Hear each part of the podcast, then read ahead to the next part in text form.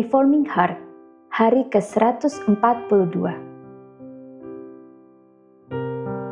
Renungan ini diambil dari website pemuda.stemi.id.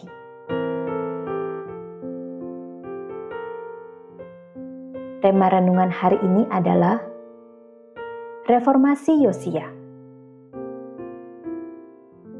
Mari kita membaca Alkitab diambil dari kitab 2 Raja-Raja pasal 23 ayat 1 sampai dengan ayat 15. Demikian bunyi firman Tuhan. Pembaruan yang dilakukan Yosia. Sesudah itu, raja menyuruh orang mengumpulkan semua tua-tua Yehuda dan Yerusalem.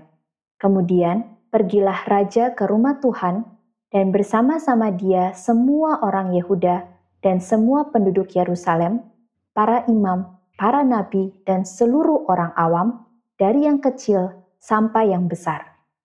Dengan didengar mereka, ia membacakan segala perkataan dari kitab perjanjian yang ditemukan di rumah Tuhan itu.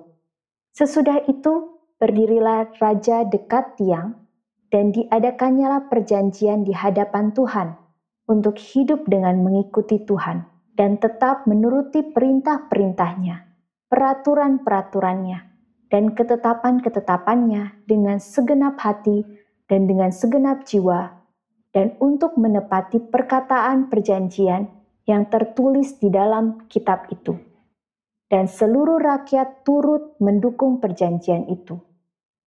Raja memberi perintah kepada imam besar Hilkiah dan kepada para imam tingkat dua dan kepada para penjaga pintu untuk mengeluarkan dari bait Tuhan segala perkakas yang telah dibuat untuk Baal dan Asyerah dan untuk segala tentara langit, lalu dibakarnyalah semuanya itu di luar kota Yerusalem, di padang-padang Kidron, dan diangkutnyalah abunya ke Betel.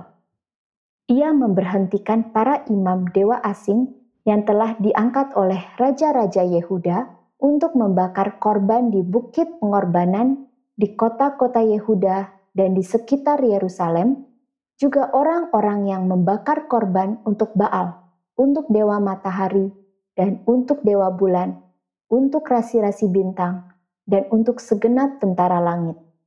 Dibawanyalah tiang-tiang berhala dari rumah Tuhan keluar kota Yerusalem ke sungai Kidron, lalu dibakarnya di situ dan ditumbuknya halus-halus menjadi abu. Kemudian dicampakkannya lah abunya ke atas kuburan rakyat jelata. Ia merobohkan petak-petak pelacuran bakti yang ada di rumah Tuhan, tempat orang-orang perempuan bertenun sarung untuk Asyera. Disuruhnyalah datang semua imam dari kota-kota Yehuda, lalu ia menajiskan bukit-bukit pengorbanan, tempat para imam itu membakar korban dari Geba sampai Bersheba, dirobohkannyalah pula bukit-bukit pengorbanan di pintu-pintu gerbang yang ada dekat lubang pintu gerbang Yosua, penguasa kota itu, yang ada di sebelah kiri kalau orang memasuki pintu gerbang kota itu. Tetapi para imam bukit-bukit pengorbanan itu tidak boleh naik ke mesbah Tuhan di Yerusalem hanya mereka boleh memakan roti yang tidak beragi di tengah-tengah saudara-saudara mereka. Ia menajiskan juga Tofet yang ada di lembah Ben Hinnom, supaya jangan orang mempersembahkan anak-anaknya sebagai korban dalam api untuk dewa Molok. Dibuangnyalah kuda-kuda yang ditaruh oleh raja-raja Yehuda untuk dewa matahari di pintu masuk ke rumah Tuhan, dekat bilik Nathan Melek pegawai istana yang tinggal di gedung samping.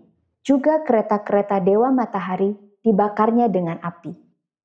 Mesbah-mesbah yang ada di atas soto, tempat peranginan Ahas yang dibuat oleh raja-raja Yehuda, dan mesbah-mesbah yang dibuat Manasye di kedua pelataran rumah Tuhan dirobohkan oleh raja dan diremukan di sana dan dicampakannya abunya ke sungai Kidron. Bukit-bukit pengorbanan yang ada di sebelah timur Yerusalem, di sebelah selatan Bukit Kebusukan, dan yang didirikan oleh Salomo, Raja Israel, untuk Asitoret, dewa kejijikan sembahan orang Sidon, dan untuk Kamos, dewa kejijikan sembahan Moab, dan untuk Milkom, dewa kejijikan sembahan orang Amon, dinajiskan oleh raja. Ia memecahkan tubuh-tubuh berhala dan menebang tiang-tiang berhala, lalu ditimbuninya tempat-tempat itu penuh dengan tulang-tulang manusia. Juga mesbah yang ada di Betel, bukit pengorbanan yang dibuat oleh Yerobeam bin Nebat yang mengakibatkan orang Israel berdosa. Mesbah dan bukit pengorbanan itu pun dirobohkannya dan batu-batunya dipecahkannya, lalu ditumbuknya halus-halus menjadi abu dan dibakarnya tiang berhala. Demikianlah firman Tuhan.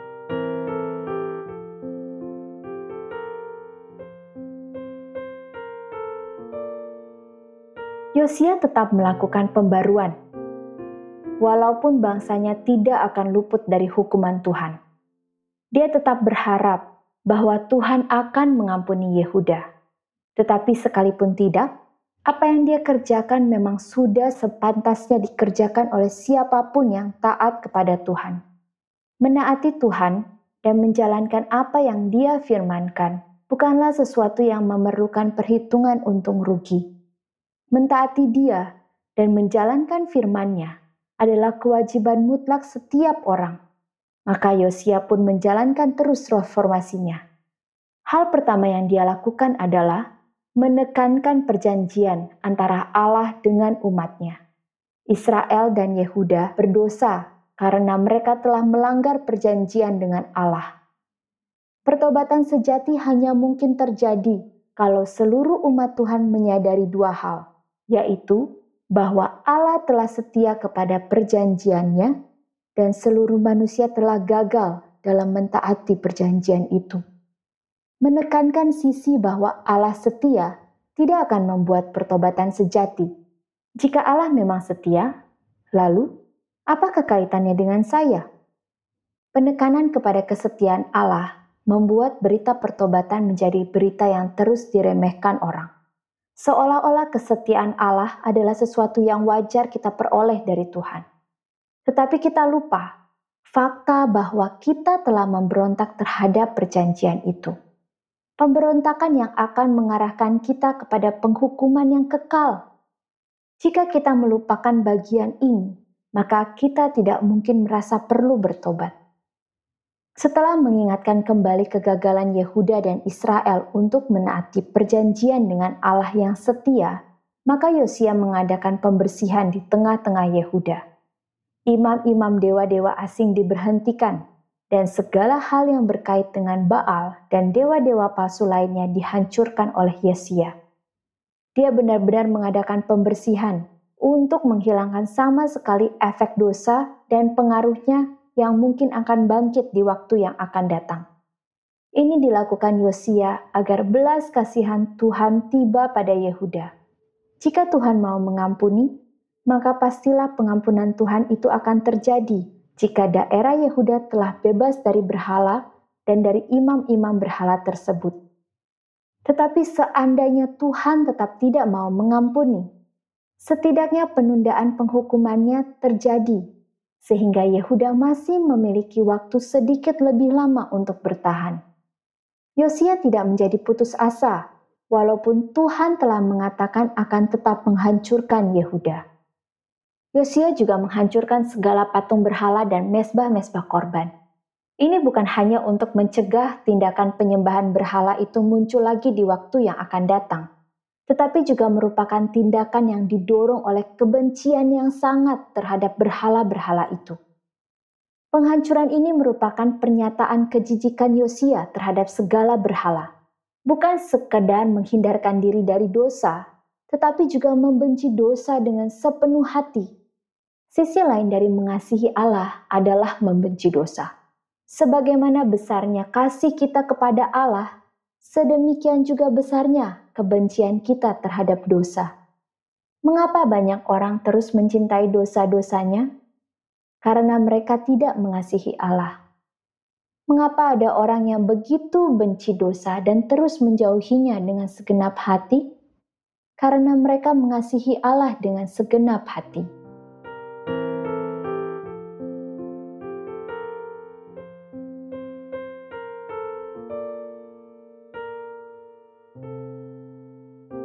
Yang dapat kita renungkan dari bagian ini adalah kegigihan Yosia membersihkan segala hal yang berkaitan dengan berhala di daerah Yehuda, bahkan seluruh Israel.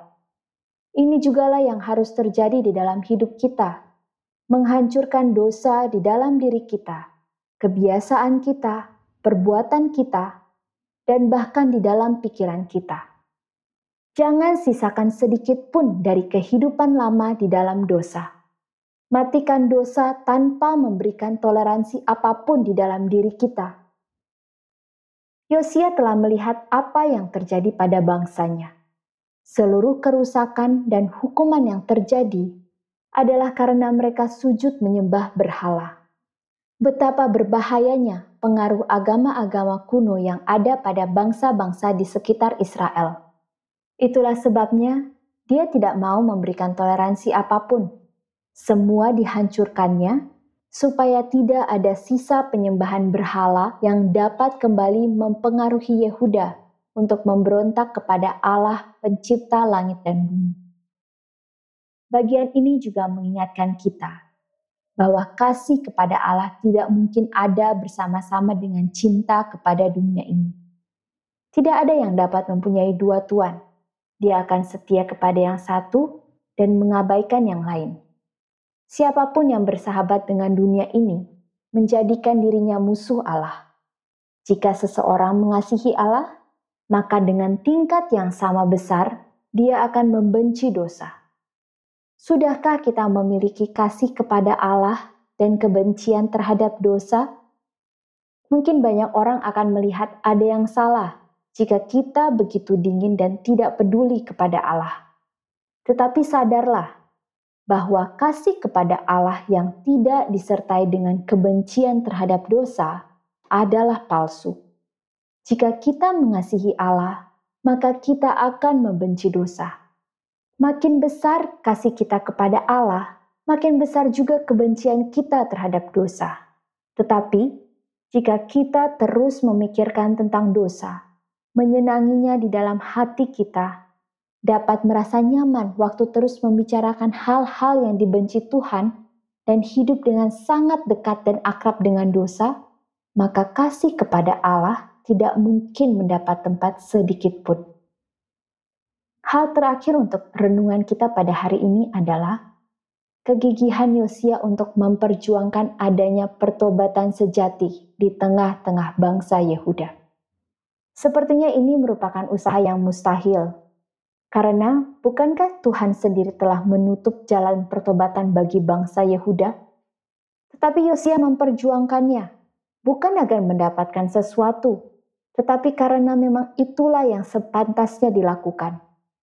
Jika kita masih terus tawar-menawar dengan Tuhan untuk hidup suci, maka sebenarnya kita tidak memahami bahwa hidup suci adalah sesuatu yang harus dilakukan karena kita diciptakan oleh Allah untuk hidup bagi Dia kita tidak melakukan sesuatu hal yang membuat Tuhan berhutang kepada kita kalau kita hidup suci. Kehidupan yang setia kepada Allah, yang mengasihi Dia, dan yang terfokus hanya kepada Dia, merupakan kehidupan yang sepantasnya kita lakukan. Bahkan sebenarnya kita berhutang untuk hidup suci kepada Allah, karena Allah telah menciptakan kita. Berbuat benar, meninggalkan dosa, hidup suci, dan ketaatan mutlak kepada Allah adalah hal yang harus dilakukan setiap orang di dalam umat Tuhan. Tidak bisa tidak. Berbuat benar dan meninggalkan dosa tidak dilakukan supaya mendapat sesuatu dari Tuhan.